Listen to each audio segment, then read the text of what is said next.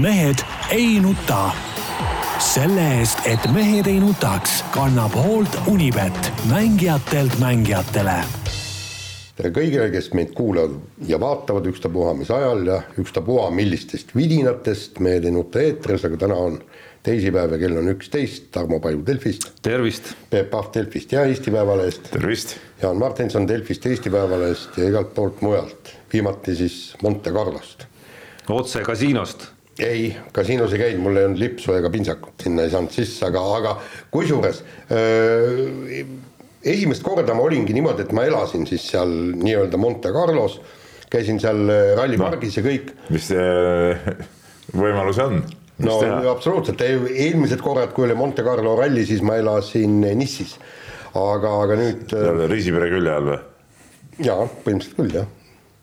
Nii ja, ja ütleme niimoodi, et äh, ma pole vist elu jooksul mitte äh, nii palju Ferrarisid näinud, kui seal ühe päeva jooksul see on ikka täitsa räme noh. lugesid ka ikka või no,? ma mäletan, kui ma, ma mäletan, mul on väga hästi meeles, kui läheb heietamiseks ja ma, ma ei usu seda, et mina sinna teele lähen ja viin meie saate praegu, aga aasta oli vist kas kaheksakümmend üheksa või üheksakümmend, kui me käisime klassiga Soomes no,. käisite klassiga Monacos. ja see oli suhteliselt ebatavaline, noh tol ajal ikkagi.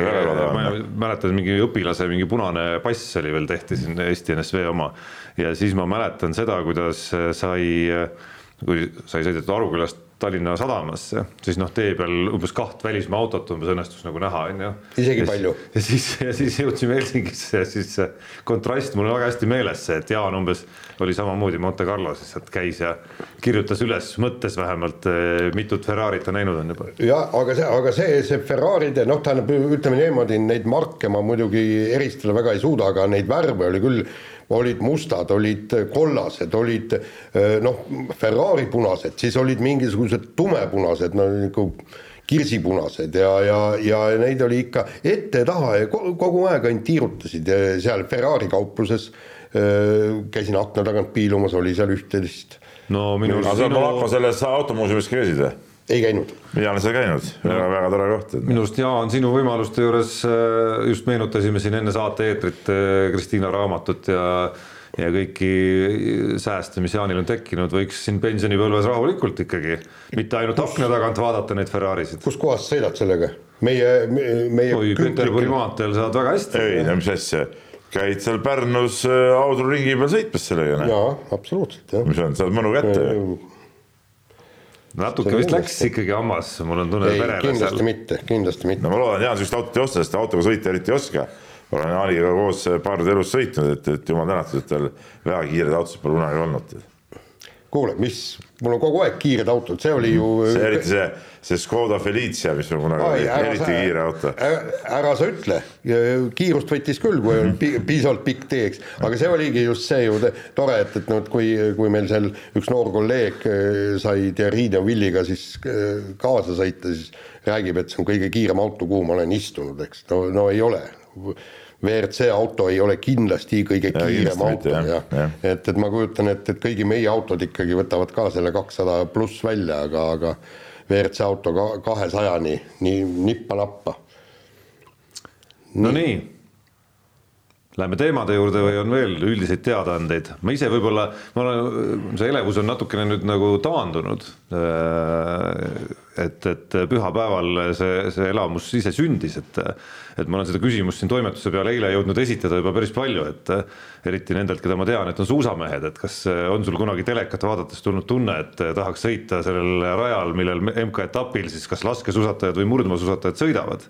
ja, ja, ja ma ütlen sulle enne, kui sa hakkad oma elamusest rääkima, oota enne, et samaväärsed rajad vähemalt on olid eelmine aasta Keilas. ja käisin ka seal, aga pühapäeval see konkreetne tunne, et loomulikult kõik suusamehed ja suusanaised toimetuses vastasid sellele küsimusele õhinal kohe jah ja, ja siis sealt kohe ettearvatav jätkuvastus või jätkukoht vestluses oli see, et tuleb minna Haanjasse, kuhu ma nädalavahetusel sattusin. Ja pühapäeval sain neid radu nautida. Ja no see oli mega ikkagi, nii et Anti Saarepuu, kindlasti kuulad meid. Äh, kiidusõnad siit meie poolt teele.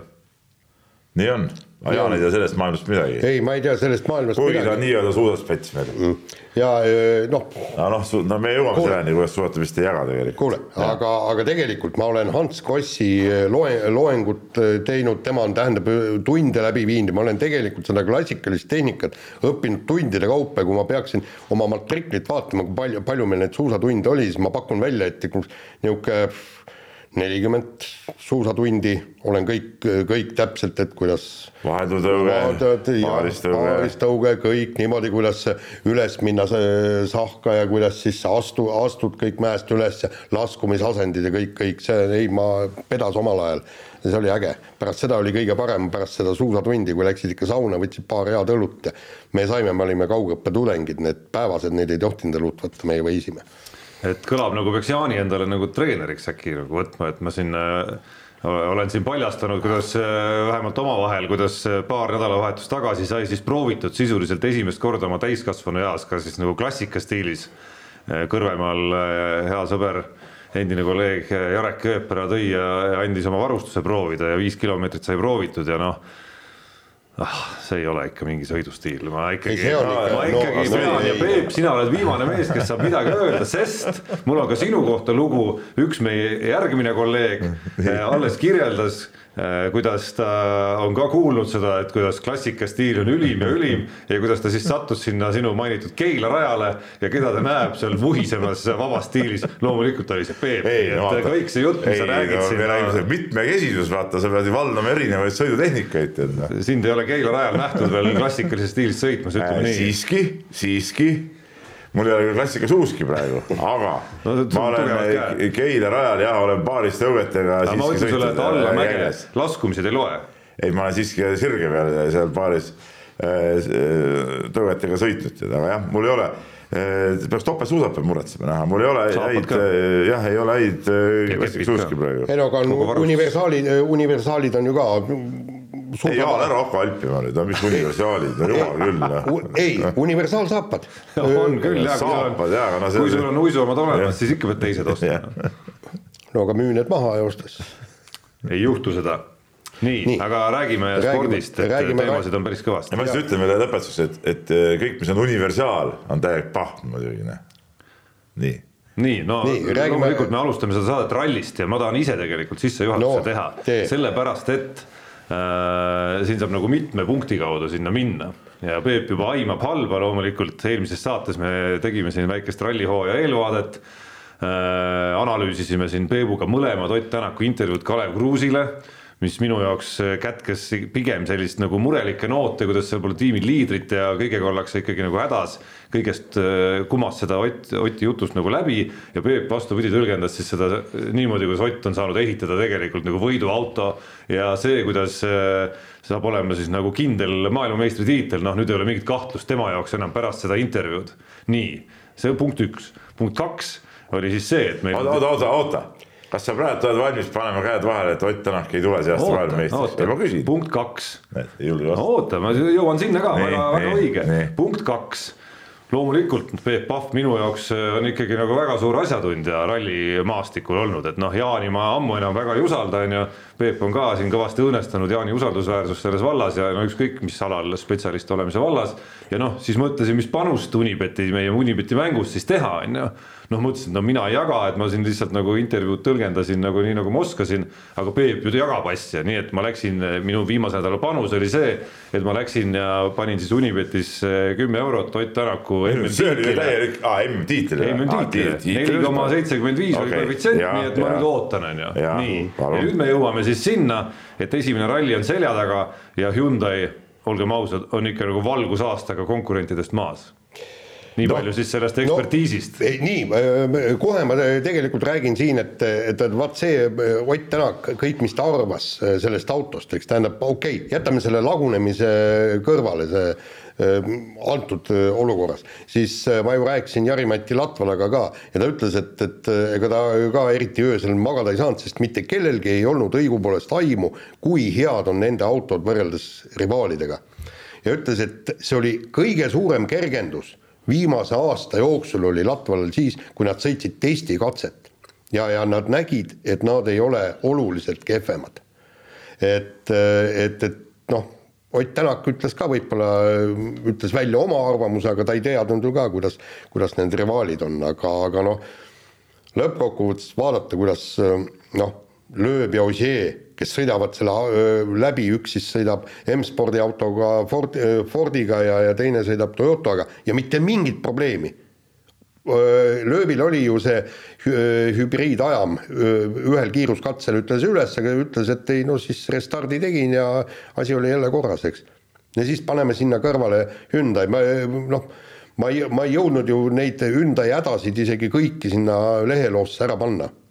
Noh, ütleme Kultsu, Thierry Neville hakkas ju kõik pihta, et kuidas on auto ebastabiilne ja pidurid ei tööta ja siis seal hübriid ütles üles ja siis vahepeal ta ei kuulnud kaardilugejat, sellepärast et selle tiimi jutt tuli äh, samuti sinna kõrvaklappi. no Jaan, sa saad ise ka aru, et see ei ole ju selle uue auto ehitusega seotud, et ta ei, ei, ei kuule kaardilugejat. ei, sa äh, saad aru, miks ei ole, täpselt sama probleem oli, kus kohas need olid, täpselt sama probleem oli ju Solbergil kaks esimest päeva, kui auto hääl oli niivõrd kõva, et ta ei kuulnud läbi nende äh, klappide endal kaardilugejat korralikult ja, ja, ja see, need asjad, see on nagu pisiasjad, need tuleb ju varem ära lahendada siis äh, summuti kukkus peaaegu alt ära, tähendab summuti kinnitus tuli, äh, tuli lahti, siis hakkas äh, autot kõrvale, kõrvale kiskuma, eks.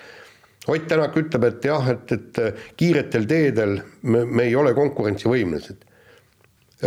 mootor ei tööta, läks sinna testikatsele neljast silindrist, üks ei töötanud, eks. siis järgmisena hübriidsüsteem, sellepärast ma oligi seal selles paganama äh, Äh, hooldusalas, kõik teised tulevad sahinaga elektri jõul. Ott Tänak muidugi mootori mürine, nii, ja, ja, ja, ja neid hädasid ja kõige totram ju, kuulge, kallid inimesed, Oliver Solberg pidi katkestama sellepärast, et väl-, väljalaskegaasid tulid autosse. Ja nad ei suuda kolme päeva jooksul lahendada seda probleemi ära, nad ei saa isegi aru, kuskohast no, Solberg oli muidugi, andis nagu liiga lihtsalt alla, vaat seda ütles muuseas see Neuvill ka, eks. sa loetlesid praegu. aga samas, samas mingitel hetkedel Tänak sõitis ju väga hästi, oleks seal, ta oli täitsa tippudega võrdne oli, oli. täitsa mingisugune, nii et see annab igal juhul lootust, et see autoga saab kiiresti sõita. teadupärast eh, Monte Carlo ralli ei ole eriline näitaja terve hooaja kokkuvõttes, ei no seekord oli ja nii palju, et palju auto laguneb, nüüd on pikad vahed, kuu aega on aega talverallini sealt veel, et sisuliselt õigeks rallisõiduks läheb ju alles ju kevadel, noh. et aega on seda autot veel sättida. no ilmselgelt on põhiküsimus. selle ja peale selle ütleme, need mehed, kes sõidavad täishooaega, ega keegi ei hiilanud ju. ja no lihtsalt küsimus ei ole, Jaan loetles siin neid viperusi ja asju, mis olid katki, on ju. ja sa tõid vastukaaluks, et olid üksikud kiiruskatsed, kus nagu suudeti isegi nagu tempoga konkureerida, aga tervikuna enamikel katsetel, ka siis, kui ei juhtunud midagi, siiski nagu ei oldud ka tempos, selles on see põhiprobleem kas no., kas selline tagasi, kas selline nagu nii-öelda nagu edumaa, mis on teistele nagu kätte antud, noh, aega on loomulikult, aga ega teised ka ei maga ja töötavad ka ja teevad veel paremaks oma autot, et kas see on nagu tagasitehtav selle hooaja jooksul? enne, et no, rongi, et rong ei oleks ära läinud selleks ajaks, kui see võib-olla on, ollakse juba enam-vähem nagu võrdses seisus. no vaata, seal, seal on näiteks, ma rääkisin Hyundai tiimi bossiga, ta ütles, et, et muutused võivad KT-ga vist ikka. ja no ta on KT jah, et, et, et muutused võivad tulla juba järgmisel rallil aga ta ütles just seda, et mitte keegi ei tea, kuidas arktilistes oludes hübriidsüsteem üldse töötab, eks. Ja, ja, ja seal on ka muid asju, ütles, et, et nüüd me hakkame sellega tegelema, eks. Järgmine asi on kruusal. et, et, et kuidas, kuidas seal kõik need asjad töötavad, et, et tegelikult ega noh, see, see nii lihtne ei ole, aga, aga, aga mispärast ma kõiki neid vigu ja, ja auto lagunemist välja toon, on just see, et see on ju Hyundai viga olnud ju kaks viimast aastat on ju täpselt seesama. see probleem on küll, aga noh, siin tulid ju mingid uued insenerid ja, ja mingid asjad, eks ole, et et noh, teoreetiliselt peaks ju paremaks minema, tead noh no,. teine asi on see, et ma ütlen ja et, et üks asi on see praegu siin asfaldi peal, see auto ei olnud äh, võib-olla siin kiire ja me ei tea, mismoodi lume peal on. Noh. et ja kas lume peal see Ford, Ford ja Toyota on kiired, me ei tea seda ju noh, seda ei tea mitte keegi noh praegu, et seepärast ma ütlengi, et nende esimeste rallide ajal ei ole nagu sihukest üld, äh, üldpildis nagu mõtet veel nii-öelda nagu püssi põõsasse visata, noh et siin ei tea keegi täpselt, kuidas need asjad, no sellest kruusast rääkimata, kruusa peal pole ju, ju keegi midagi saanud proovida veel, et, et kõik on valmistusid kõigepealt selleks äh, Monte Carloks, nüüd hakkavad talveralliks valmistuma ja siis lähevad sealt alles edasi, et, et ega, ega selles suhtes äh, noh, see hooaeg tuleb, tuleb nagu niisugune heitlik nagu, ma arvan, et see tuleb kõigi jaoks, ega omad tagasilöögid saavad teised ka. no lihtsalt see, lihtsalt see kaotus tundus nagu ikkagi nagu piisavalt suur, et mitte ainult öelda, et, et vaevalt see nüüd, et see ei pruugi kruusale nagu edasi kanduda et see on see mõte. ei no kaotus, kaotus, äh, mis mõttes kaotus no,, kellele? tempos, keskmine, keskmine nagu tempo kaotus lihtsalt teistele. no ja tegelikult see oli päris hull, et äh, noh, ütleme niimoodi, asjatundjad äh, tõi, tõid ju selle välja, arvutasid välja, et nad äh, autod kaotasid ikkagi null koma viiskümmend neli oli vist äh, sekundit äh, kilomeetri kohta, noh. ütleme, et see, see, see ei ole vähe aga, aga siin on positiivne on ka see, et, et Ott Tänak ütles, et auto nii-öelda baas on väga hea. Et ta on tegelikult mugav sõita ja teinekord on isegi liiga mugav ja liiga mugav on noh, ta Muigel Sui ütles seda, see on just sellepärast, et tal ei ole seda vajalikku kiirust, kui sa sõidad aeglasemalt, muidugi on mugav sõita, aga ütles, et noh, auto on äh, ikkagi tasakaalus ja, ja, ja, ja sellele baasile annab ehitada aga, aga, aga nüüd on tõesti unetu töö no,. ma lihtsalt, ma võtsin praegu lihtsalt selle jutuajamise käigus ette korraks veel need kiiruskatseks avapäeva järel äh, oli Tänak ju kolmandal kohal tegelikult. jätame lööbi ja see kõrvale. ei no jaa, aga ta kaotas nelikümmend üks koma üks sekundit. nelikümmend üks koma üks sekundit. ei, ta kaotas kellele? Esimese päeva järel. Äh, liidrile või? liidrile ta kaotas viiskümmend kuus sekundit. või viiskümmend kuus. aga ma ütlen veel kord, et lööb ja Ožee ei ole need, kelle järgi me peaks vaatama, vaatame ikka nende järgi, kes nagu äh, reaalselt sõidavad, noh.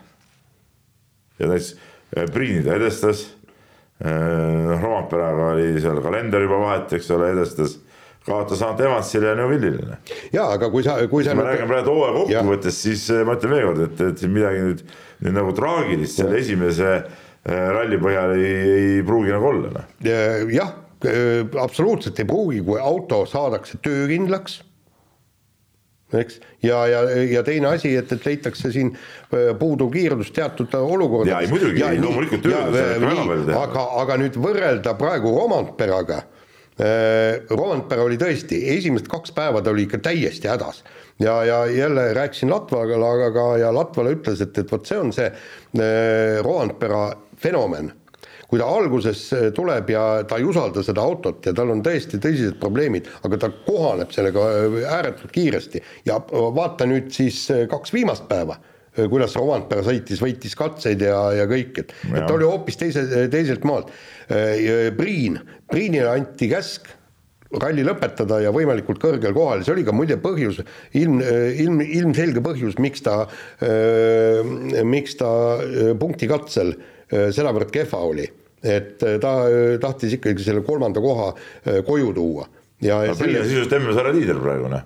ei ole, Rovanpera on, Rovanpera on sellepärast, et ta ju võttis need. aa, no okei okay,, jah, no see jääb punkti katse pealt. punkti, punkti katse pealt, eks, et nii on ja aga, aga, aga see, vot mis tegi kadedaks, oli see, see nende jutt, Priin ütleb, et see on nii vinge auto, et mina suudan. selge see, et Ford on kõva, muidu ja. see ju seletab ka see Greensmiti äh, jah, kõrge, kõrge koht üldse tervikuna ja, ja, ja, ja katsevõit ka jah, et, et et Ford on küll suutnud teha nagu superauto endale valmis, see on. no aga see on, see on ette teada, nad on kaks ja, aastat ja. seda autot teinud, seda ju äh.... no aga vaata, milline oli eelmine hooaeg sellest, noh, olematu noh. ehk siis teoorias saaks tulla noh, nagu üle aegade põnevaim hooaeg, aga selle eeldus on, et Hyundai hoopis saaks jalad alla kuidagi. jah, tõenäoliselt jah jah, aga, aga ma äh, lihtsalt lõpetuseks ütlen, et, et äh, on ka äh, võimalik see nii-öelda halb stsenaarium, et Hyundai on nagu nii-öelda eelmise põlvkonna Citroen, kes ei saanudki jalgu alla lõpuks. Ja, ja tõmbas see pistikus Tepslist poole pealt välja. No ühe asja te peate mulle ikkagi nagu selle ralli teema juures nüüd veel ära seletama ja kuulajatele ka, et see, et siin kaks Sebastianit äh, nagu niimoodi seal ees rullisid, et, et kas see nagu karva võrragi ei olnud siin nagu, nagu noh, selles mõttes üllatust, et äh, jah, see on Monte Carlo, see on, äh, see on nende ralli, see on nende asfalt, no kõik, kõik, kõik, kõik need asjad on ju, aga samas on tegu nii-öelda nagu vanameistritega, osa aja, osa ajaga sõitjatega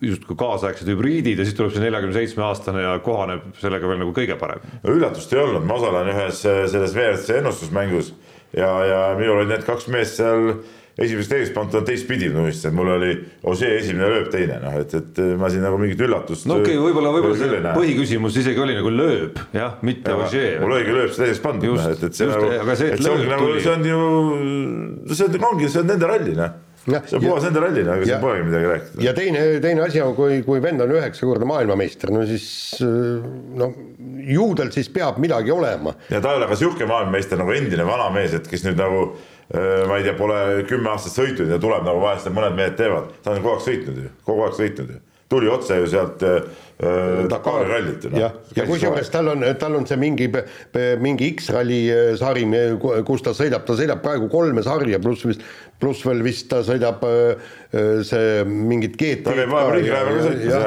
ei selles suhtes nagu ma siin nagu mingit üllatust küll ei näe, et ega see Monte on väga, väga spetsiifiline alati ja, ja need mehed on seal ju, ju olnud kogu aeg edukad. Noh. aga mis oleks, kui nad täishooaja kaasa teeks? ma ei usu, ma ei usu, ei noh ma ei usu, et näiteks löö, lööb oleks äh, tiitli pretendent, seda ma hästi ei usu. Ožeer kindlasti. Ožeer kindlasti oleks muidugi, mis, mis ei võrreldes eelmise. ei no see on selge, selles mõttes Ožeer on ju väga selge, lööbi puhul lihtsalt see küsimus. lööb ju sõitis siin äh, ju päris palju rallisid vahepeal, noh, ütleme seal kruusal ikkagi ta nii, nii hästi enam äh, ei saanud, ta seal mõne, mingi kolmanda koha kuskil sai, ma mäletan, ja ütleme, oli seal tipus küll, aga ta ei olnud päris päris esimene, noh, et, et ta nagu võib-olla tiitli peale välja ei läheks jaa, aga samas, kui me võtaksime Ožee sealt ära ja, ja et lööb sõidaks terve sarja kaasa, siis äh, noh, tegelikult ta, ta ei, oleks, ei, ma ei ütle, et ta võidaks, aga ta oleks kindlasti nõudleja. ta, ta, ta ikka jõuaks sinna poodiumile ikka mitmeid-mitmeid kordi. Aga hüppame teisele teemale, äh, lisaks rallile loomulikult tennis on see, mis hoiab eestimaalaste ja spordisõprade meeli pingul. Anett Kontaveit langes Austraalia lahtistel meistrivõistlustel äh, suure pettumusena teises ringis konkurentsist, aga no ei, ei tohi vist naisterahva kohta öelda vanameister, seda sõna vana ei tohi kasutada, aga. no ikka tohib, ikka vanameister. aga no Kaia Kanepi. ülikogenud, ütleme siis. ütleme siis nii, Kaia Kanepi murdis siis välja veerandfinaali, eile kirjutas järgmise peatüki Australian Openi veerandfinaal oligi tal siis karjääris veel puudu, äh, nii nagu on tal puudu, no mis siin salata, ka pääs veerandfinaalist edasi mõnelgi suure slam'i turniiril ja nüüd siis kolmekümne, mis ta on viieselt siis või? Ei kuueselt isegi, on, äh, on avanenud, on avanenud veel üks, äh, on avanenud veel üks võimalus. no ikka vägev. ei, mäng oli eile vägev muidugi, et, et midagi pole ütelda. kolmkümmend kuus. Jah, et mäng oli eile muidugi vägev ja ja see on vist see seitsmes kord on vist nüüd veerandfinaalis suure slam'i turniiridel või, et, et, et noh, pole paha, ütleme nii. Pole paha saavutus ja, ja, ja ei no vot see tennis on niisugune mäng ja, ja, eriti naiste tennis, kus nagu noh, tegelikult võib alati nagu kõik juhtuda ja noh. ja see eilne mäng näitas ka seda ilmekalt ja noh, kus see käis nagu üles-alla, üles-alla niimoodi, et noh, see nagu mingit loogikat seal vahepeal nagu ei olnudki.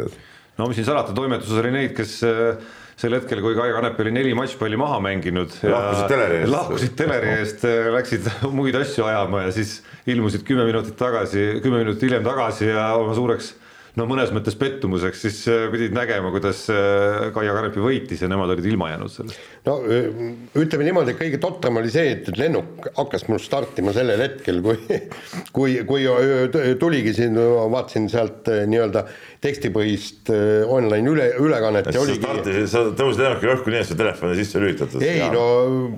ole aus ei, ei, ta Mina hakkas juba vaikselt, no viimasel hetkel pani ära, ma pidin vaatama, kas tuleb ära. Ja siis, kui oli, et ta neljanda matšpalli ka veel ära väristas, siis panin telefoni kinni ja siis on tea, täielik teadmatus. aga enne seda vaatasin, vaatasin mängu ja huviga, no mis see on, Kaia Kanepil, tal on ju kõik see olemas, mis tal kogu aeg olnud on, hea tugev löök ja ja, ja nüüd on minu meelest ta on kuidagi psühholoogiliselt ka kindlam, ta, ta ei pea enam midagi suurt tegema, eks ta, ta võib teha, aga ta ei pea sellepärast enne oli see tema elukutse ja kõik, et aga nüüd tal on lihtsalt rahulikult mängib nii kaua, kui mängib ja maailm sellest kokku ei vaju, kui ta kaotab. ja, ja kusjuures siin tuleb kogu aeg jälgige seda edetabeli kohta.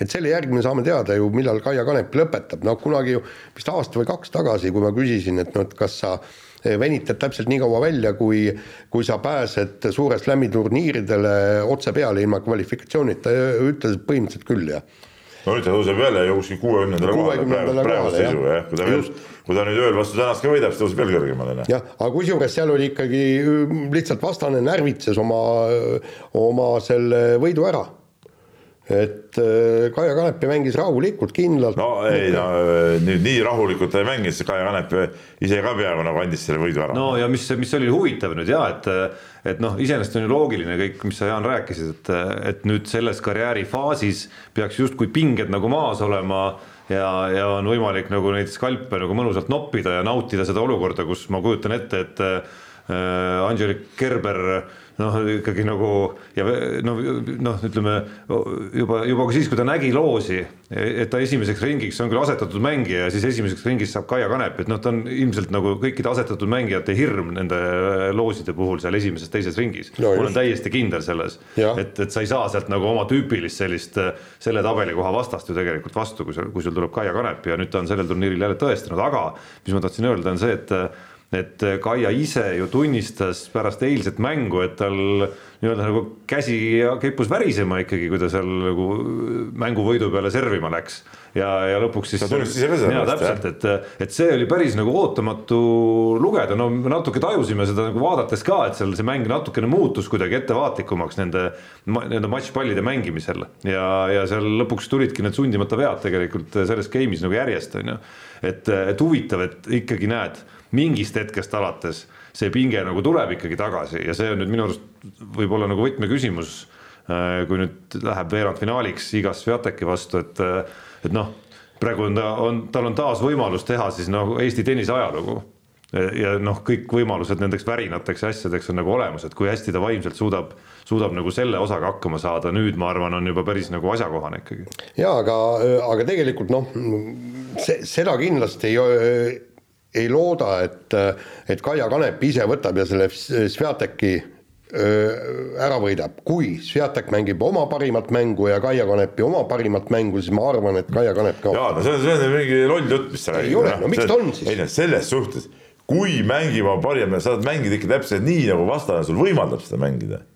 et ehk siis, kui Kanep mängib ise hästi, siis ja, ja ütleme, mängib seal hästi, lööb palle tagasi ja asju no siis ei saa võib-olla Sviatek oma parimat mängu mängida, noh. spordis ongi nii ju, noh. ja selle loogika järgi, kui see mängis oma parimat see, siis oleks kõik turniirid ju edetabeli põhjal lõpeksid ju, noh. no kui sa eilset mängu vaatasid, vaatasid, noh, ütleme niimoodi, et see vastane väristas, võta, võta see kiire lõppmäng, mitu punkti Kaia Kanep ise sai ise lõi ära lööki. ei, ta vastane andis, tegigi topeltvigu väga palju. No. ei, ma ja. räägin kiires lõppmängus, mitu punkti Kaia Kanepi ise oma löökidega sai no ma seda ja ma ei oska peast öelda, ei no aga, aga tema löökide tulemusel vastane eksiski ju noh. no just. noh, aga see ongi, ega see ei ole siis väristamine, kui, kui teine lööb sulle niimoodi ette, et sa oled ebamugav seal lüüa, siis see ei ole ju alati sinu väristamine. sa saad aru, Kaia Kane. ma ütlengi nii, et need osad Äh, vastase vead olid tingitud Kanepi mängust ju noh, mitte, mitte ainult sellest, muidugi ta eksis ka ise seal, tegi neid topeltvigu. kui asju. vastane teeb kümme pluss topeltviga, siis Kanepil ei ole seal mitte mingisugust osa selles topeltvea tegemises. aga sa oled Kanepi mänginudki hästi, jah? Ei, Kanepi mängis hästi, aga saad aru, vastane ei mänginud oma parimat tennist, tehes hunnik, ta tegi ja, kümme lihtviga, kümme lihtviga no, rohkem pluss mis, mis viib sujuvalt ju tegelikult Anett Kontaveidi näite juurde, et noh, ega, ega see teise ringi vastane nüüd nagu nii hirmsasti ei sundinud Anett Kontaveiti kehvasti mängima selles mängus. ja ma seda mängu ei näinud kahjuks. ma, ma ka ei näinud, aga noh, statistika juba viitab selles, sellele, et, et see sundimata vigade hulk lihtsalt paisus, paisus nii suureks nojah ja noh, ma Kontaveidi mängu ei näinud, seepärast on raske siin mingit hinnangut anda. ja selles mõttes ikkagi nagu no, no ega ei tahagi siin, siin väga nagu analüüsima hakata, et noh, tõsine testikoht Anett Kontaveidile mõnes mõttes, no nüüd nagu vaimses mõttes just, et, et sai nagu täitsa uuele tasemele just oma, oma nagu mõtlemise siin eelmise aasta lõpus oma vägeva spurdi käigus, et noh, nüüd nüüd on siis natukene selline tõsisem väljakutse ees, et, et kuidas, kuidas siit sinna ree peale nagu jälle tagasi saada. jaa, aga vaata, seal ongi, ta tõusis edetabeli koha järgi nii kõrgele, et, et kõik ootavadki temalt nüüd veerandfinaale ja, ja vaat sealt, et isegi edasi ja see paneb pinged peale, vaadake see USA lahtiste tšempion, see Raducanu.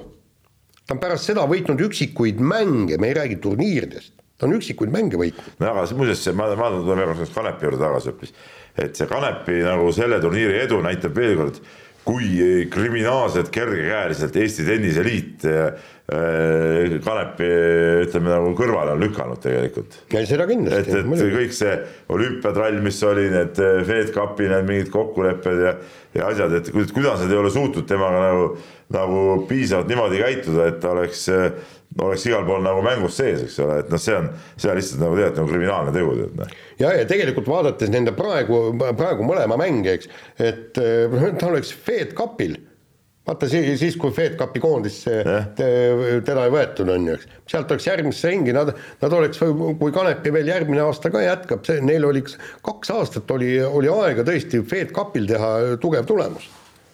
ja see ei sõltunud Kaia Kanepist, tema tahtis ju mängida. jah, absoluutselt nii, aga lähme nüüd suusatamise juurde ja, ja siin Jaan, poiss on saanud hakkama ühe jälle kõrgpilotaažilise soperdisega, kus ta siis eh, heitis, kui pandi kokku Eesti suusatamise olümpiakoondis, siis ta ütleme, talle ette söödetud teatud ringkondade poolt info põhjal siis pani kokku artikli, kus ta hakkas väitma, et et Kaarel Kaspar Kõrge on siis ülekohtuselt olümpiakoondisest välja jäetud no põhimõtteliselt, äh, kui me vaatame juhendit, siis ma Ei. olen endiselt olen seda juhendit korduvalt lugenud. isegi mina töötasin neil ja mina ei, mina ei näe seal, et seda, seda äh, liiga tegemist.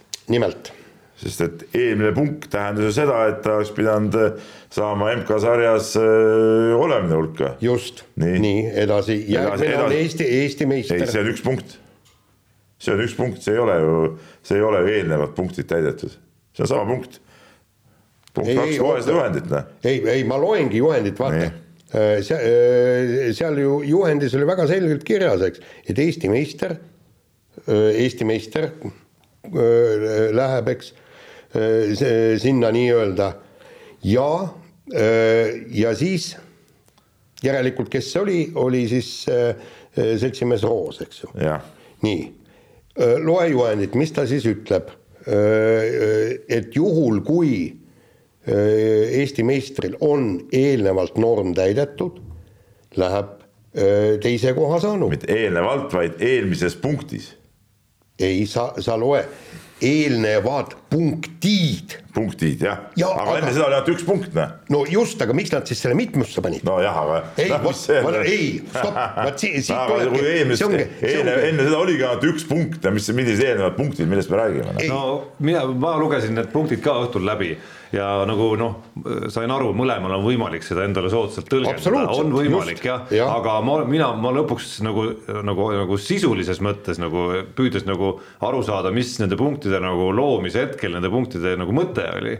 pigem ikkagi äh, olen seal paadis, seal nii-öelda nagu suusaliidu paadis et, äh, et noh, pigem on see kõrge leer, kes äh, ütleme nagu leiab sellest sõnastusest nagu kasu endale, mida seal tegelikult nagu mõeldud ei ole, et ei, min, mina lugesin välja ikkagi selle mm. nagu eelneva punkti all ikkagi seda nagu kolmekümne hulka jõudmise reeglit, et et mit, ei, mitte seda, mitte seda, ja, ja, ja, mitte no, seda. ole punkte, saad aru, on üks punkt. mitte seda, et hakatakse ei, seal eraldi üks, vaatama, et ei ole. esi, ei, esimene on kolmekümne sekka, teine Eesti meister. ei ole ja nii, see on teine punkt, ongi see Eesti meister, noh, aga see teine punkt ongi need mõlemad. ja, ja punkt. ei ole, vot ei saa ükskord lugeda lugeda. ei, miks ei ole, kolmas punkt oli ju see, et, et kui kohti jääb, kohti tuleb juurde, siis võetakse, siis võetakse ju MK-etapil kuni kohtadel nelikümmend üks kuni või mis see oli? et noh, sellepärast, kuna see kolmekümne hulka, miks see Alev jäi nagu istikatest kõrvale, eks ole, oligi sellepärast, et see oli juba selge, et sealt MK-kohtade pealt keegi ei tule ja Eesti meistrivõistluste põhjal ei saa eh, tema välja jääda enam. et nii palju ja. ei saa tulla sealt ja. Estikate pealt neid uusi, uusi olümpialasi. no jällegi ma, ma ütlen, et eh, on keeruline on.... ei, siin ei ole jah midagi keerulist. ei, stopp, kuule et on keeruline, keerulise, nii keerulist pagana juhendit luua. Eh, punkt üks kõik, kes pääsevad kolmekümne hulka, kui neid on rohkem kui olümpiakohti, siis sportliku printsiibi alusel. nii, punkt kaks, sprindi Eesti meister öö, pääseb olümpiale. Ja punkt kolm, peatreeneri valikul, kõik. Ja asi olekski lahendatud olnud, ei oleks mitte mingisugust jama, mitte midagi see, see, see on ikka maailma kõige lihtsam juhend. sellega ma olen absoluutselt nõus. ja, ja võib-olla sõnastada ei ole, aga kokkuvõttes ei ole see mingit vahet. saanud sõnastada kindlasti ja, ja oluliselt paremini ja täpsemini. ma ei ole selle vastu, et sinna, äh, sinna läheb Alvar Johannes Alev, sellepärast et ta on tõesti näidanud päris äh, paremat sõitu kui Kaarel Kasper Kõrge, aga minu jaoks on tähtis see, et need juhendid tehakse nii korda, et sellest saadakse aru täiesti üks-üheselt. no jaa, aga siin nagu mingit ebaõigluse pointi, nagu sa välja tõid, ei olnud ja, ja see oli puhas see Äh, Rehemaa ja ütleme siin ma näen kaugemalt ka Alaveri kombitsaid, nende leeri äh, mingisugune luul, mis oli sulle ette söödetud. täpselt nii. saad aru, kui mina lugesin juhendit nii, teised loevad teistpidi tegelikult noh, ütleme. sa ise ei lugenud mingit juhendit. miks ei lugenud? ei sa lugesid seda pärast, siis kui. ei, mul oli juba enne loetud. siis kui sul see, see, ei no okei okay,, aga see, see teema, sa ei hakanud ise seda ajama, noh Jaan, see on, see on ju teada, ma külmalt tean neid asju.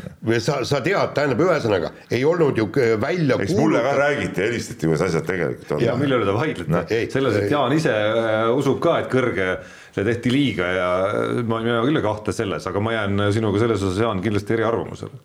jaa, ei, absoluutselt, aga see ongi, üks on minu arvamus ja üks on teine arvamus ja ju, ju tegelikult juristid paneksid selle asja jaa, jaa, lihtsalt probleem on selles, et uudisloo, see on uudisloo võtmes seda. ei, see oli kommentaar, see oli kommentaar.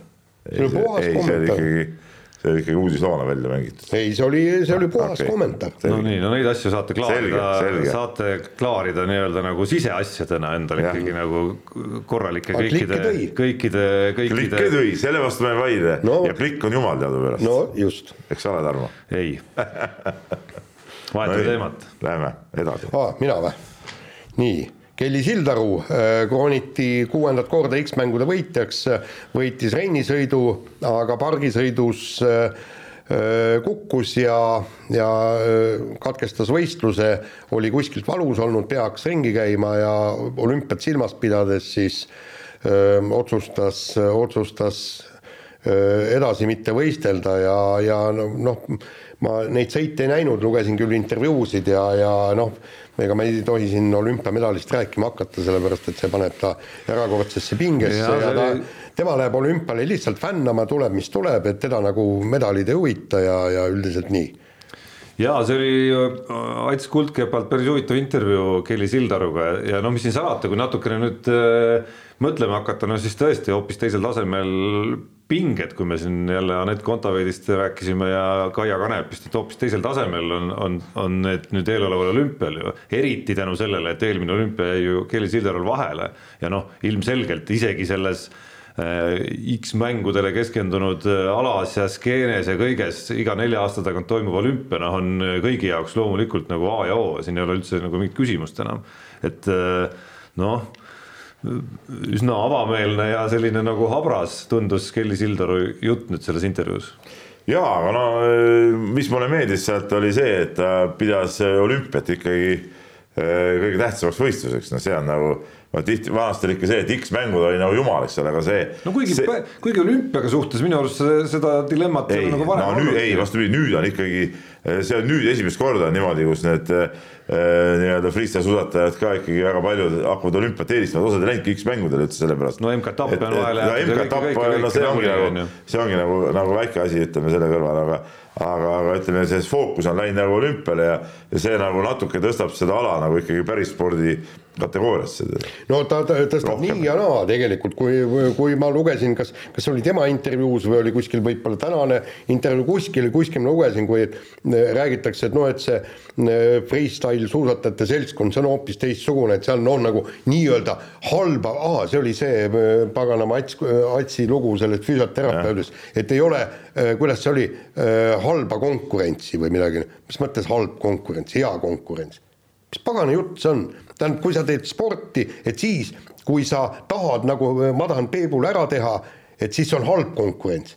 aga siis, kui me lähme lihtsalt niimoodi teeme midagi ja mina võidan, sina ei võida, meil on mõlemal pohh kumb võidab, et see on hea konkurents, mis kuradi ei no see on muidugi jura jah, tähendab, et konkurents, spordi mõte on ikkagi võita ja, ja kasvõi veri ninast välja seda, seda teha, see, ja, aga noh, Kelly, nagu Kelly intervjuust ilmselgelt õhkus ikkagi seda suhtumist ja, ja olekut ja teadmist ja eesmärki, et, et need saavad olema mu noh, nagu elutähtsamad võistlused tegelikult ja võib-olla isegi mu karjääri nagu defineerivad, defineerima hakkavad võistlused. no ma ei jõudnudki oma jutuga nagu edasi minna siin, Jaan, Jaan näeb sama asja, ma tahtsingi öelda, et, et, et see, et nüüd see olümpia on, oli tähtis, eks ole, ja, ja see näitabki seda, kuidas Kelly nüüd ka võtab seda ülitõsiselt ja sellepärast on see pingejutt ja see närvi, ütleme võib-olla närvitsemise jutt on nagu õieti loogiline, noh, see ongi loomulik, kui sa lähed olümpiavõistlusele, oma elu tähtsamale võistlusele, siis on see pinge on ju nagu elementaarne ja, ja, ja loomulik, noh. et, et, et, et sinu võib-olla see iroonia natuke võib-olla on isegi kohatu. oot-oot-oot,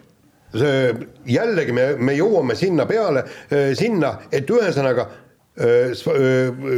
sportlased panevad pinge peale, publik, ajakirjanikud, kõik teised ja, ja, ja miks te mulle tulete rääkima olümpiamedalist et mind see olümpiamedal ei huvita. aga, aga, aga Kelly on kuskil öelnud, et olümpiamedal ei huvita. ei, aga vastupidi ikka, mitte et ei huvita, vaid, vaid et see, see ongi see, millest see pinge tuleb. pinged peale, see on ei, ikkagi see motiiv. aga see, see, need pinged ju ei tule mitte sellest, et ajakirjandus ei, ja no, head tuttavad. no just. jaa, aga ta peab noh, tal on, kuidas sa nagu üldse, Jaan, sa ei saa üldse aru, mida inimesed nagu miks midagi räägivad või, või midagi teevad. tal on endal ju lihtsam seda välja mängida niimoodi ja ütelda ja endale ka nagu sisendada, et, et see on nagu sellest tuleb see pinge, kui see, et tunnistada endale, et, et oi, et see võistlus on nii pingeline või see ootus nii pingeline, et see, see on ju loomulik, Jaan, kuidas sa nagu aru ei saa nii lihtsast asjast? ei no ei pane ei ajakirjandus ega see on Ikka, eluaegne, eluaegne jutt, no ka, aga lõpetame siis ära selle olümpia eellugude tegemise ja mingisugused, et mida me ootame ühelt miks, või teiselt. miks me ära peame lõpetama? no aga me paneme sportlastele pinged peale no,. mis siis, noh? no mis mõttes, mis siis, no, siis lõpuks, on paha. lõpuks no ega sellest ei ole pääsu. pääsu. tema asi on sellega, nendega toime tulla ja kogu lugu noh. Mhm. aga mis nagu siin kogu see olümpiatralli juures. ja tema välja, ütleme tema asi, noh, tema väljakutse on nendega toime tulla, noh, nii nagu on toime tulnud oma elus, ma ei tea, Erki Nool, Erika no, Salumäe no,, kes iganes. ja küll ta toime tuleb, no mis siin ikka.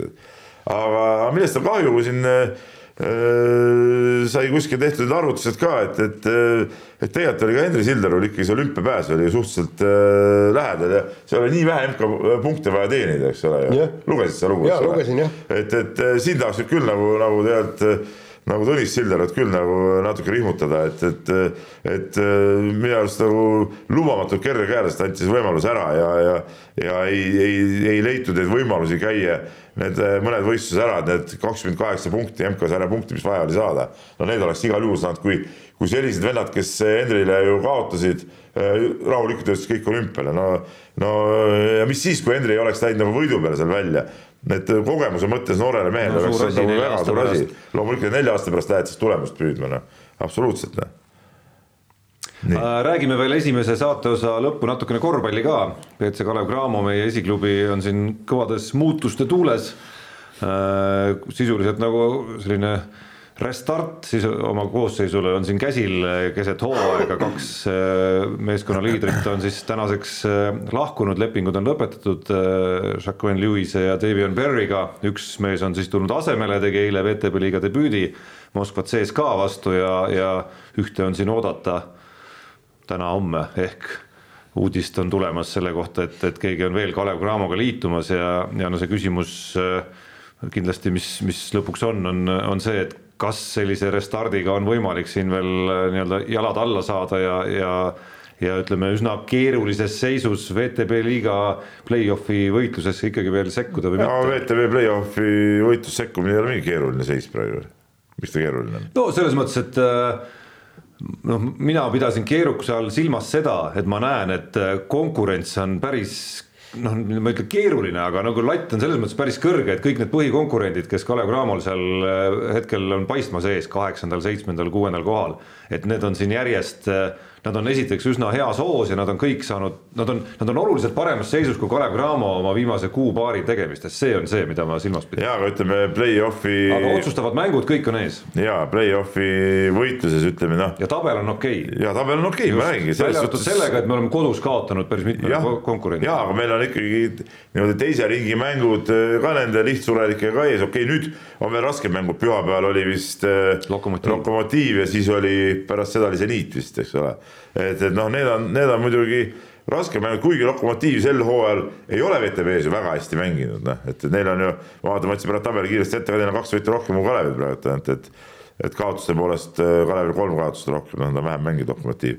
okei okay,, no seda võib-olla ei, ei pruugi võita, aga ütleme, need Jenisseid, Nižni Novgorodid, noh, need on, need on niisugused ja Astanad ja noh, neid, neid peab lihtsalt võitma ja, ja kõik on võimalik, noh, et, et siin ei ole nagu ütleme sellist tunnet, et nüüd oleks mingi õudne traagika praegu Äh, ma küll ei näe, et kakskümmend kaks mängu on põhiturniiril mängida, Kalevil ainult kümme mängitud, ehk siis üle poole on veel ju mängida, et, et mm, ei ole nagu väga probleemi esialgu, ma arvan. no aga vastus...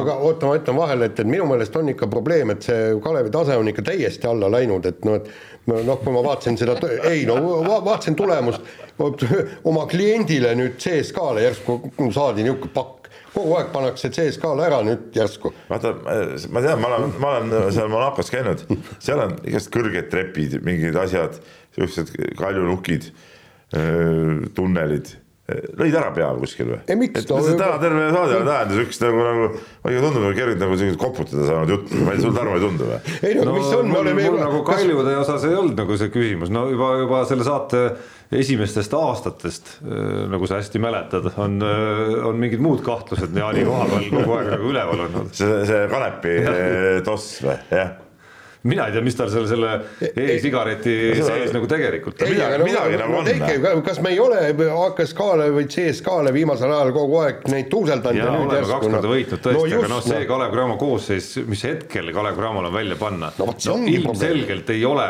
no sellest me räägimegi, kuidas praegu käib restart sisuliselt, et pluss oli teile veel kaks mängijat haiguse tõttu kodus, kellest üks oli ka ikkagi nagu väga oluline mängija Kalev Cramo jaoks, et noh, et, et realistlik eh, eilsest mängust oodata mingisugust tõsisemat vastuhakku, noh, tegelikult ikkagi nagu ei olnud. no vot. aga, aga mis puudutab küsimust nagu seda algset küsimust, siis no ega siin noh, tegelikult on üks vastus ainult, et, et nii selle Jacksoniga, kes eile näitas, ütleme positiivseid hetki, aga ka, aga ka negatiivseid hetki, aga kes. kuus pallijaotust. mis mõlemad peavad siis kinnistuma nüüd, näis siis kummale poole see kaalukoht kaldub. nii tema kui ka kes iganes sealt veel tuleb, nendega peab minema täkkesse, no muud eeldust siin ei ole ja kogu ja. lugu.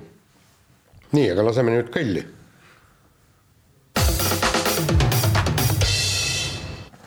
meil ei ole siin ekraanil kella, nii et, et ma Tarmo kella pealt vaat-. käekella ei ole sul siis?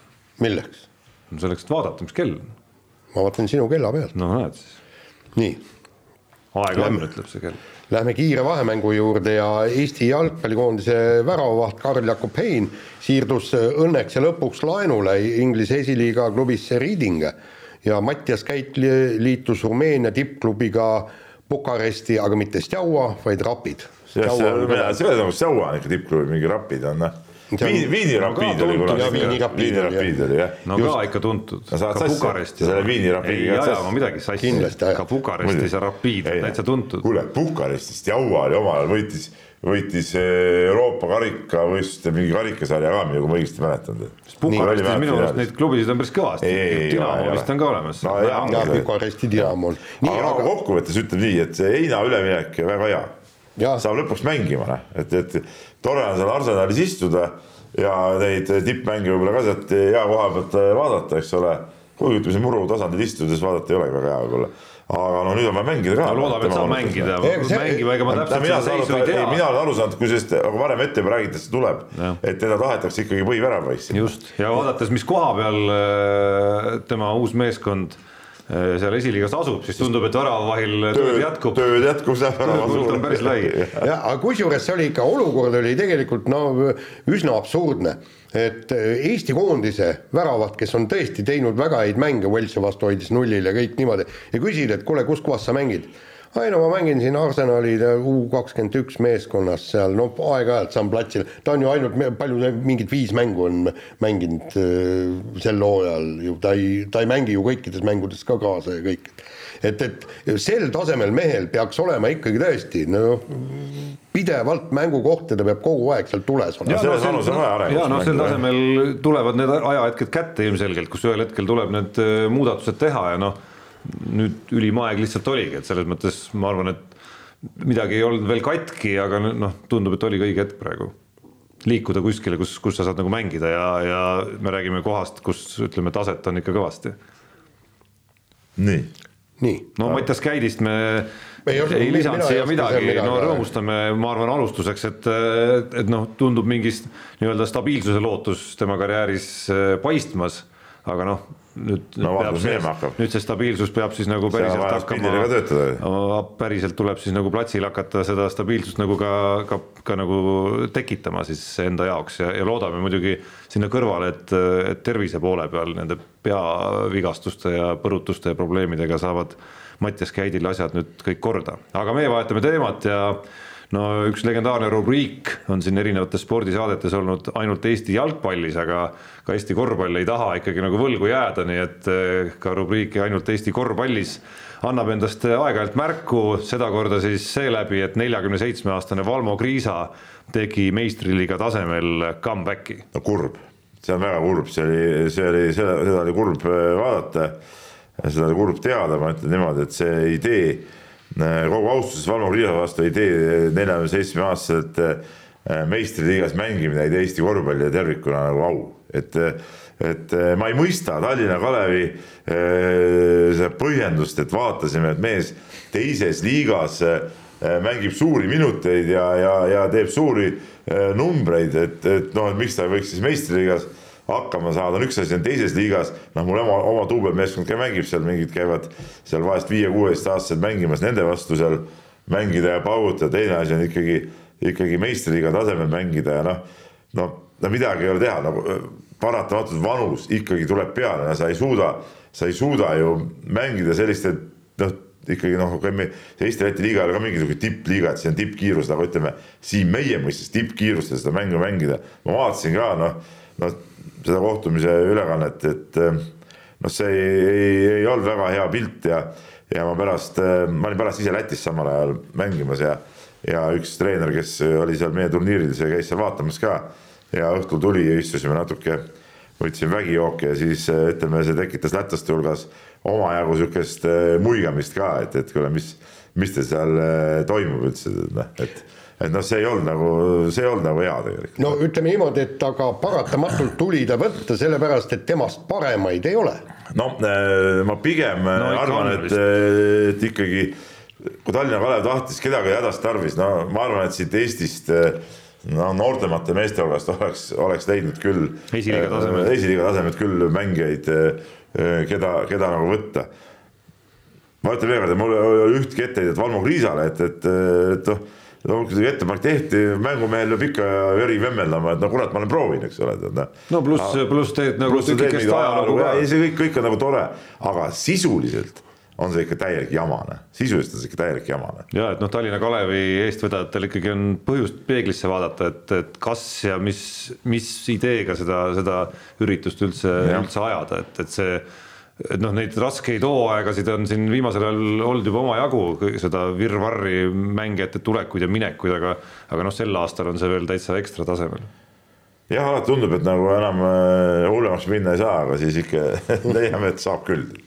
nii, aga äh, lähme nii-öelda vanameistrite, kuigi see Tarmo ütles, et naiste kohta ei tohi vanameister ütelda, lähme siis ülikohend sportlastega edasi ja Tatjana Mannimaa, äh, siis murdmaasuusataja täitis kõigile üllatuslikult äh, olümpianormatiivi ja ja nüüd, kui Eesti sai veel ühe lisakoha ka, sõidabki olümpiale, aga, aga, aga noh, tema sõnum oli muidugi selge, et noored peaksid rohkem trenni tegema, samas vähem sotsiaalmeediale ja telefonidele aega kulutama ja see on, see on kuldne lause no, oota, ma korra, oota, ma korra segan vahele, ega ta vist ei sõida, ta vist nagu varuna. ta on varu. ta on varu sel hetkel ikkagi. ei, aga Eesti sai viienda naise koha ju ei, ei ta sai küll jaa, aga, aga ta, ta ütles, et ta läheb. ei, seda ütles enne, aga pärast ta sai, Eesti sai ühe koha juurde, mina saan aru küll, et ta nüüd läheb. ei, aga, aga ikkagi starti saab ju ainult neli suusatajat ja ta ütles, et tema läheb starti ainult. jaa, aga sinna kohale peab ikka minema ju. no vot, ma ei tea, kuidas sellega on ma seda ma ei oska öelda. no vot, palun, sinna ei saa palun, ei, ei sa muud moodi ei saa sinna pärast. palun lugu kiiremas korras, tehke see asi selgeks. ja, jälle, jälle sinu asi tead, jah ei ära sina ka taanda ennast siin midagi sporditoimetuse juhina ei ole mugavalt taandab siin igast küsimusest. Hmm. ei no loomulikult noh, jumal kõik tegemata. huvitav, kes siis nagu vastutab selle sporditoimetuse eest? just. mina, ma, ma, ma usaldan, vaata ütle välja, ära usalda, usalda, kontrolli.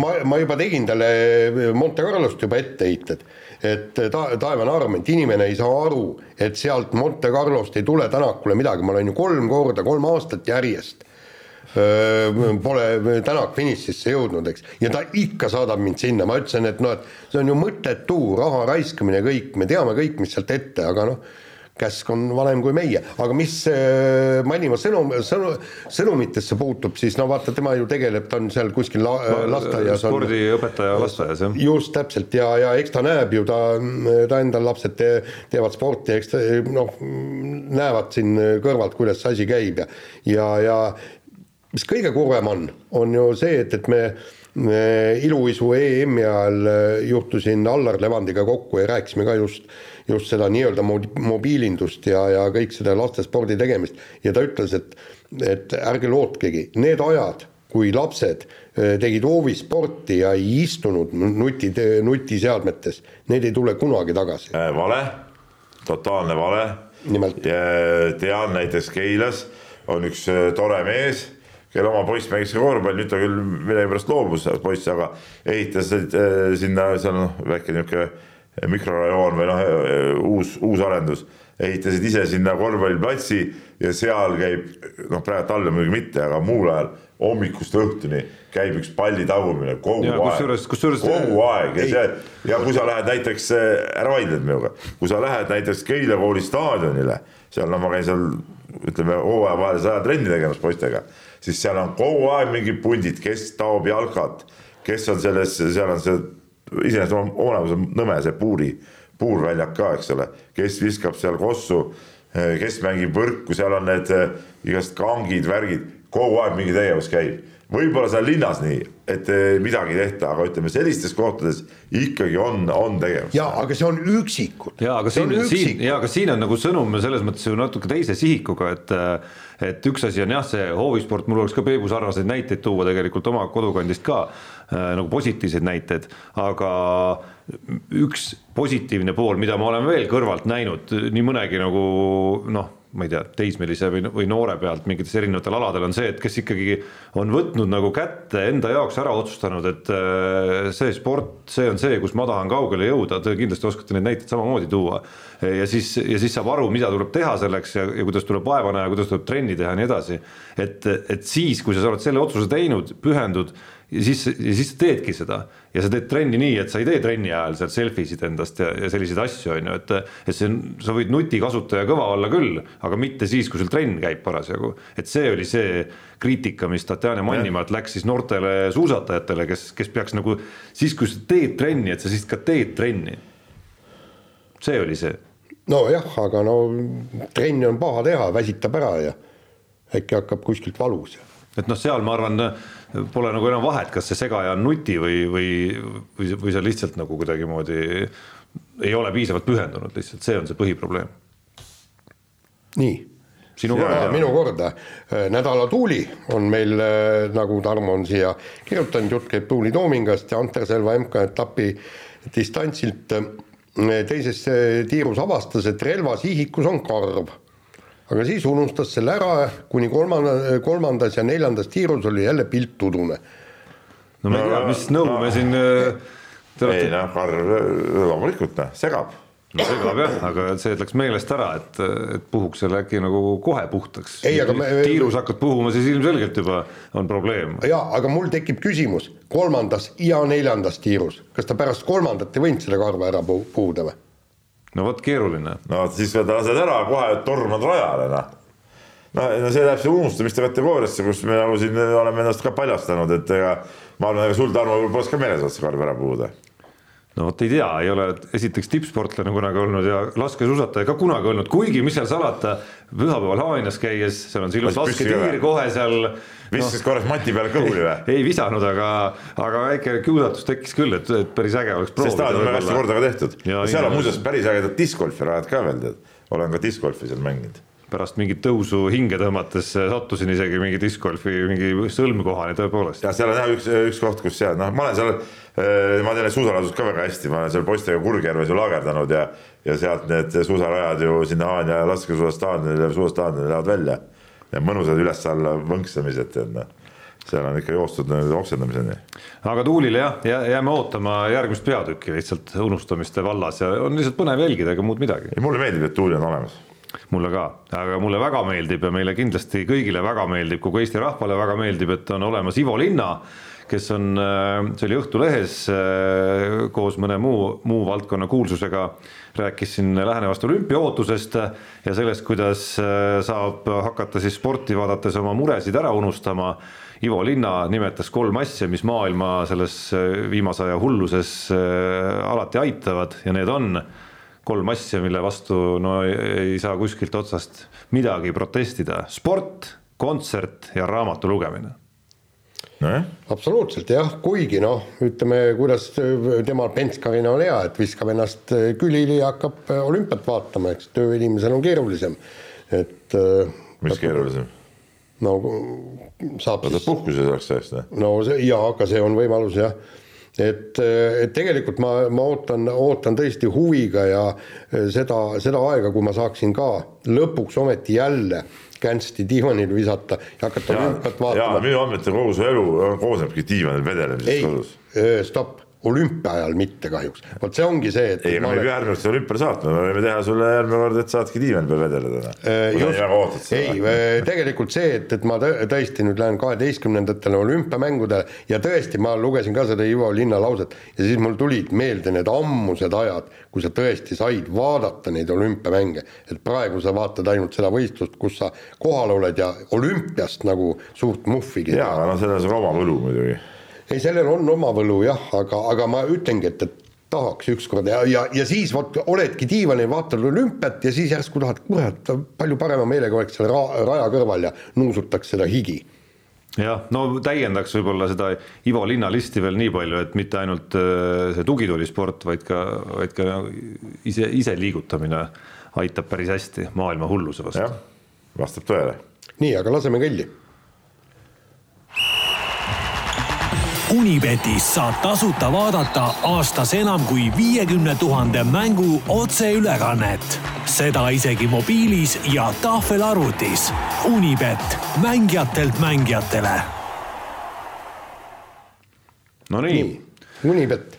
no ma juba rääkisin oma Unibeti kogemusest siin saate alguses, kuidas äh, no nüüd siis peab ütlema nii-öelda ekspert või no tegelikult see hooaeg nagu näitab ära tegelikult, kas Peep on jah. ekspert või ei ole. kui Ott Tänakul tekib siin veel tiitlišanss, siis saame öelda, et Peep on ralli ekspert ja noh, siis Peep järelikult peab kõvasti kaasa. ma võin sulle kohe ära ütelda, et näiteks kui sõidetakse Rootsi talveralli, seal ma soovitan ralli võidu peale panna Tänakule. Jääme ootama neid koefitsiente, aga nüüd räägi sellest, äh, kuidas sul eelmisel nädalal läks. no vot. tuulid, tegid tuulit või? ma tegin tuulit jah, et selles suhtes ma nagu keskendusin sellele oma WRC mängule ja, ja, ja, ja ma olin tead Eestist ära tead ise ja, ja mul jäigi kuidagi see nagu. no jäi, ma see käivitamine alati nagu raske, see start. aga ma ei tea, kas ma olen ikka sinust eespool või? sul on äh, sa oled õppinud eelmistest aastatest pigem ja tead, et kui see käivitus ükskord toimub, siis hakkab see summa lihtsalt kahanema meeleheitlikus tempos, ehk et uus taktika on see, et et panused kindlasti saavad olema väiksemad, kümne sendi kaupa ei, sel aastal. ei, kui ma mängin, siis ma mängin. et siis, siis kindlustad ära selle, et ütleme aastas on, mis seal on viiskümmend midagi nädalat on ju et siis nagu kümne sendi kaupa iga nädal paned, siis noh, kakssada viiskümmend vähemalt jääb alles igal juhul. ei, ei, ei, nii ma niisuguste, niisuguste pupujuppude mängu ei tee. kui, siis ikka panna nii, et nagu põhjani tead noh nii, Jaan. ei, mul, mul ei ole ka midagi, ma mõtlesin, et ralli peale panust panna, õnneks ei pannud, aga siis selgus, et mul on veel seal äh, need asjad ära klaarimata seal mul ei ole seal kolmesadat eurot parasjagu ja siis Äh, nii et nii läks. no nii, tehnilised agad veel hoiavad Jaani tagasi, ei siis te olete kaksikjuhtimises, et ma panin. Jaan ei ole, tal ei ole kolmesadat eurot, mina juhin üks ainujuhti. no sisuliselt on, et. ei, äh, ei, mis asja, vaatame faktidele vastu, võtame Jaani konto lahti. no teil on tegelikult rohkem seal, teil on vaja lihtsalt see saada see, ütleme, seal tehniline aga on siis selles, et äh, vägisi ei saa Jaanilt seda raha sealt ära võtta, nii et ta peab seal natukene vaeva nägema, et see siis saada kolmesaja peale ilusti nulli tagasi. selline väike, väike, väike selline omapärane nüanss on seal juures. mina selle osa tegin siis ära juba ja olen siis Peebust tagapool jah eelmise nädala panus, nagu ma ütlesin, oli siis Ott Tänak tuleb maailmameistriks, nii et sealt on. vaata, see on tarkade inimeste mäng. lihtsalt, nad söötsid valeinfo nagu ette. see Unibeti ennustus on tarkade inimeste mäng. aga miks sa siis pole kordagi võitnud seda? kuidas, mida? Seda mängu. Unibeti mängu no., mina olen kaks viimast aastat. no ma lihtsalt äh, olen tahtnud. enne õnnestus ka mul, no kus, mis no, põhjendus siit tuleb? Teile head meelt teha lihtsalt ah. selge, uue nädala. kuna ma olen nagunii igas asjas teist nii palju üle, siis ma ei hakka seda ühte detaili ka teilt nagu. et siis me võime ka arvata, et ka meie oleme targad. olete nagu midagi väärt nagu äh, uue nädala Mehed ei nuta eripanus Unibetis puudutab Kaia Kanepit, see on siis äh, panus, et äh, Kaia Kanepi igas Sviateki vastu vähemalt ühe seti saab ikkagi kätte ja see võimendus on siis lõpuks kaks koma neli. Pole paha iseenesest. võimendus see kaks koma neli, kakskümmend neli peaks olema, siis on võimendus, siis ei mõtle panna midagi ma alati rääkisin. sa võid oma firma teha. nii väikseid, nii väikseid panuseid ma ei pane kunagi enam, siis kaks koma neli. ei no sa võid panna ka puhta võidu selles mõttes alati, see on no. seal juba kuskil vist oli kas kuue-seitsme ringis. no vot, see on juba asi. kirjad. Lähme kirjade juurde, Taavi kirjutab ja pöördume tagasi siis rallimaailma ja, ja ta kirjutab nii, et veidi häirib, et räägitakse nii nagu Lööb ja Ožeer ja sulgudes ka Sordo pole, on poole hooajaga sõitjad ja pole seega nõudlejad äh, hooajatiitli eest. et kas see on kivisse löödud palju poole kohaga mehed etappe sõidavad, no ma ütlen vahele, et tegelikult üldiselt lepingus on see kirjas, aga muidugi see võib alati muutuda. ei, lööbil ei ole muide. Äh, viis, kuus, seitse etappi ja esiotsa punktid võivad juba poole hooaja pealt äh, teha sõitjad väga näljaseks ja rolli võib mängida ka teiste ebaõnn. et äh, äkki oleme tänases päevas, nimetame hooaja esiotsa nii, nagu ta on et noh, nagu me siin rääkisimegi, noh tegelikult juhib hoopis Rompera ja nii edasi. no kas on tõenäoline, et need mehed sõidavad hooaja kuidagi nagu kokkuvõttes ka lõpuni? ei, no lööbiga oli, oli just äh, jutt oli äh,, Malcolm Wilson ehk siis M-spordi omanik rääkis, et et praegu käivad lepingu läbirääkimised lööbiga, et ta üldse mõne ralli veel teeks.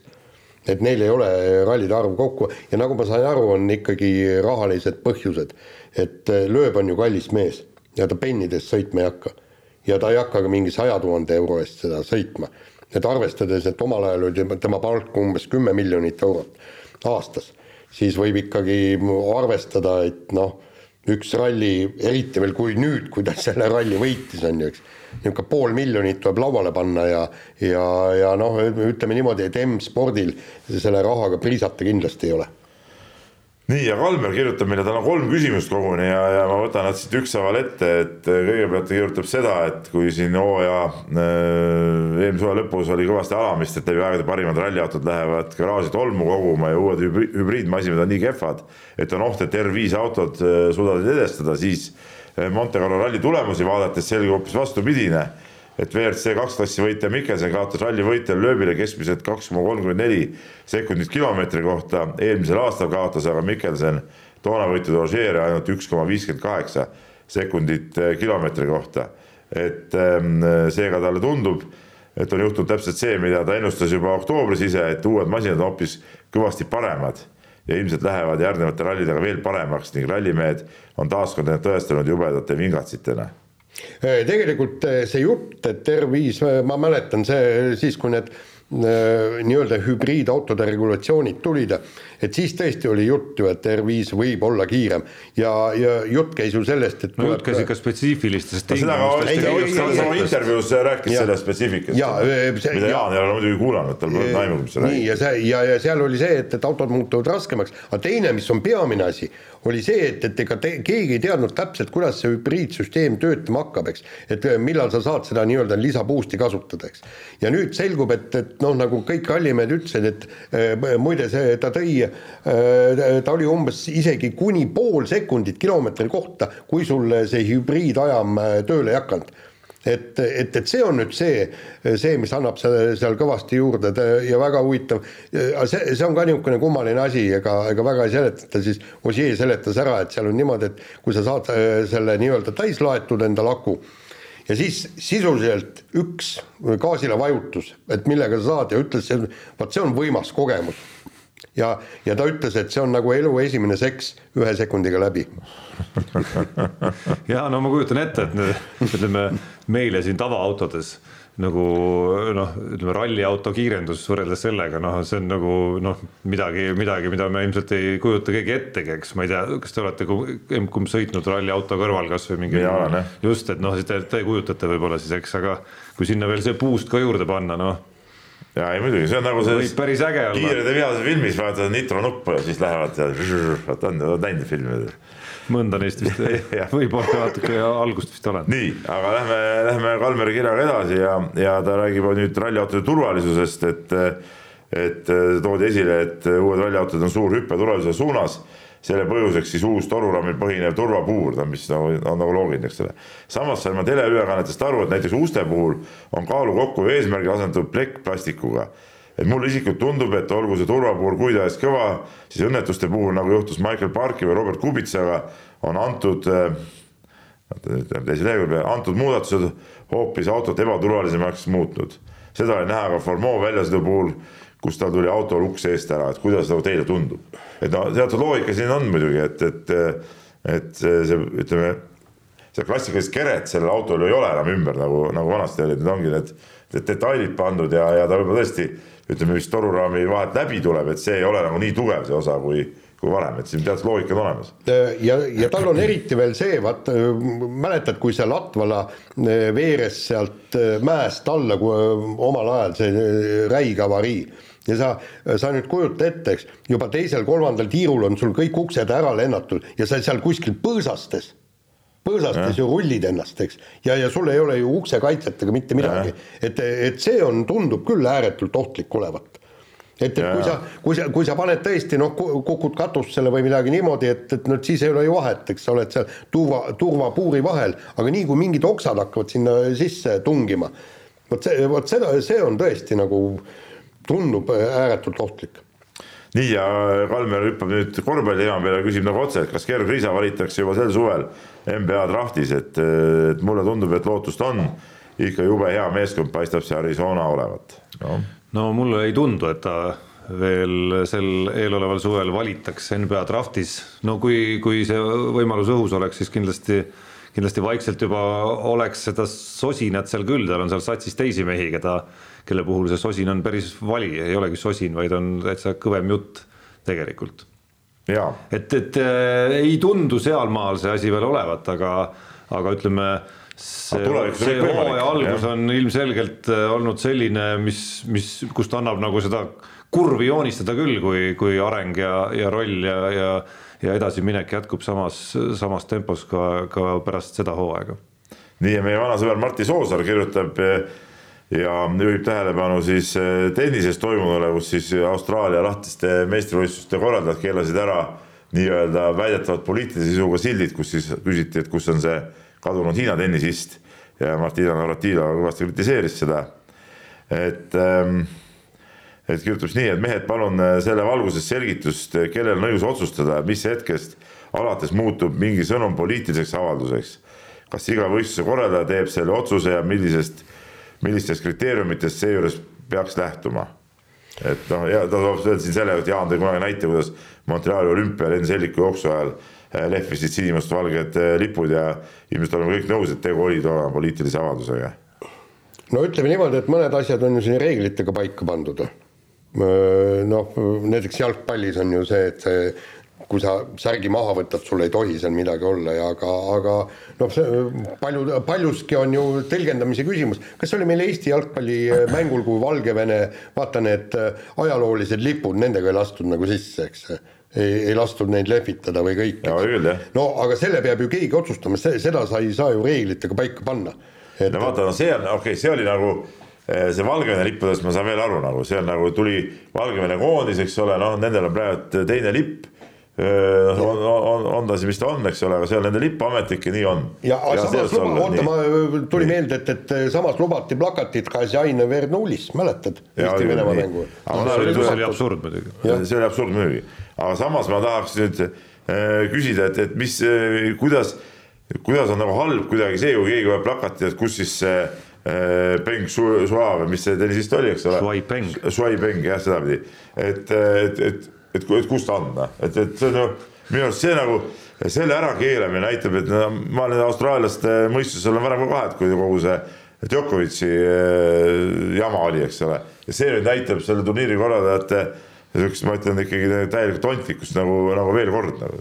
kuule, Peep, saad ju ise väga hästi aru, kui see oleks olnud mingi Nicaragua tennisist, siis oleks kõigil täitsa savi, lehvita plakateid nii palju kui tahad, eks jutt käib Hiinast. ma saan aru, ma saan aru. kuigi huvitav just, okei okay,, ma saan aru, need on erinevad organisatsioonid, ma kahtlustan, et seal Australian Openil oli see sõna, mitte VTA näiteks on ju. et VTA ju oli isegi nagu noh, ootamatult julgelt valmis siin ju Aga reageerima jätabki... algselt sellele Shuai Pengi loole ja reaalselt jätabki ära seal mingeid turniire ja nii edasi, et samal ajal kui väga suur osa sellisest nagu rahvusvahelisest tippspordist on valmis ikkagi Hiina ees ja nende rahade ja kasumi ja selle nimel ikkagi seal nagu noh, tegema nii nagu no,, nagu tegi Australian Open ehk siis nagu ja. ütlema, et ei, me ei luba sellist plakatit. aga see on äh, lame hmm? minu arust, see austraallaste selline käitumine lame. no jaa, aga nad tahavad Hiinaga hästi läbi saada, ju neil on seal poliitiliselt vaja seda no see, see on ju täpselt vaata öö.... no mis poliitiliselt, vaid pigem äriliselt siis. äriliselt no,, äriliselt, äriliselt no, muidugi, nii. aga võtame viimase kirja, Märt Pilme, kes on ka minu andmetel ka žurnalist ja kirjutab meile sellise asja, et et toob siin näiteks Ott Tänaku viimase intervjuu Monte-Carlo rallilt ja kirjutab nii, et et äh, Ott Tänak oli päeva lõpuks siis katkestanud, jututujust palju polnud ja küsib, et palju ajakirjanikke selliseid intervjuusid ette tuleb, kus küsitletav ei taha kuidagi rääkida, äh, kes Eesti sportlasest lähiminevikust meenuvad, äh, keda tuli alati kangutada. Ja kas Jaan tagantjärele, tagantjärele targana pidevaks Otile paremaid küsimusi esitama? No, no ütleme siukseid, ma haarasin ise nagu sarvist, et, et no tegelikult kui me võtame ka maailmaspordi, noh, siis siukseid hetki on küll, me näeme ju küll, kus intervjuu alast, äh, võtab Jessica Javitsuse või noh, vastavad seal ühe mingi lause ära, aitäh ja, ja minema, eks ole, et ega, ega siukseid asju on küll ikkagi ütleme peale ebaõnnestumist sportlased, treenerid äh, äh väga tihti tegelikult äh, noh, mitte väga tihti küll õige, aga no. tihti ikka tuleb ette seda, kus nad ei, ei ole valmis nagu vastama ja no,. Jassikevitšust on... päris Tänakuga ma ei võrdleks, et ta nagu on nagu ütleme, ta nagu ütleme, fännidele annab igal juhul midagi, et ühel juhul ta lihtsalt nagu teeb sellest äh, siukse nagu võib-olla negatiivse alatooniga spektaakli seal natukene, mida tuleb aeg-ajalt ette ja siis järgmisel hetkel. Äh, vaata, mis nädal, järgmise mängu ajal oli nagu nii, nii no, kuidas ma ei oska öelda, innukas, innukas see vastamine, et nagu, nagu pikalt ja laialt oleks valmis olnud sinna jäämagi rääkima. ja, et noh, tegelikult on, on ütleme ma arvan, et fännid pigem armastavad tema intervjuusid, aga ma pean tunnistama tõesti siin mõnda Oti intervjuud, eriti seda viimast Jaanile oli nagu natukene valus ja raske isegi nagu vaadata et.... kuigi, aga ma võin ütelda, et siukseid asju on juhtunud, ma mäletan, see oli mingi kergejõustik, kas see oli EM või MM, ma täpselt tõesti ei mäleta. ja üks meie kümnevõistleja ka peale ebaõnnestumist äh, jooksis siis tuli sealt Miksonist läbi, kellega ei rääkinud, me seal veel Eesti ajakirjanikud olime seal, hüüdsime ja ajasime seal mööda seda Miksoni veel ja ei tulnudki ja aga, aga järgmine mees äh, oli mõistnud oma eksimust, ilusti vabandas ja, ja mingit probleemi polnud tead ja, ja said edaspidi kõik jutud räägitud, et eks, eks selliseid asju ikka tuleb nagu ette ja, tegelikult. aga, aga mis, mis Ott Tänakusse puutub, siis kui tal läheb hästi, siis ta ju räägib, võtame või selle äh, laupäevase päeva ja, või, või reedese, reedese päeva, päeva, reedese päeva jah et vend sõitis hästi ja, ja rääkis ja, ja, ja päris hästi rääkis ja, ja rääkis ka niisugust asja, mida ma poleks nagu uskunud, et kui ta räägib, eks, et neil on varuosade puudus, et see on nagu põhjus, et, et me ei saa seda autot kiiremaks seadistada kõik, et et noh, see ei ole mõnikord, mõnikord peale ebaõnnestumist ka, kui ta nagu tunneb, et ta tahab nagu endast välja ütelda, näiteks võtame peale Rally Estoniat, ma mäletan, väga pika intervjuu tegi Mikk-Soonis peale ralli lõppu, et, et et see on ka, kuidas see parajasti see see meeleolu ja, ja, ja tunne on, eks ole, et noh, see oli tehtud vahetult peale seda katkestamist, kui ta ralliparki jõudnud ütleme, meel oli morn, noh nagu jah. eks see negatiivsete emotsioonide pealt nagu asjalik olemine on, ongi päris raske väljakutse sportlastele, eriti kui, eriti kui see juhtub noh, suht vahetult ikkagi ka veel see ja. mikrofon sinna nina ette tulema. et äh, ma ei tea, pallimängudest või noh, korvpallist rääkides ja, ja vanemast ajast, no siis ka ikka ju väga erinevad inimtüpaažid olid, olid noh, meil seal näiteks Peep sinuga kogu aeg nagu ju nii-öelda nagu nina all on ju, et kuskil on Aivar Kuusma, kellele noh, sisuliselt pane nagu mikker ette ja natukene provotseeri ja siis hakkab tulema sealt kõike, eks ole, või Gerd Kullamäe, eks. ja noh, siis nagu Margus Metstak, selline tüpaaž, kellega võib-olla mängujärgne intervjuu ei olnud kõige lihtsam žanr selline nagu väga kaalutletud, väga selline nagu aeglase tempoga, napisõnaline aga samas, kui sa istusid temaga maha, et pikemalt rääkida, siis alati väga põnev. no aga Tiit Sokk ütles ju klassikaliselt no, lauset kunagi, et, et nägid ise mängu nii, aga kuulasite küll ju seda saadet, nii, sellega panemegi saatele punkti ja kuulake. vot kus huvitav sellise äh, nii-öelda nagu laini oli Jaan praegu yeah. no. siia lõppu veel üllatuseks välja mõelnud no,. Monte Carlost. Jaan Monte Carlost, kuulasite küll seda saadet väga õige hästi, Jaan. jah. mehed ei nuta. saate tõi sinuni Unibet, mängijatelt mängijatele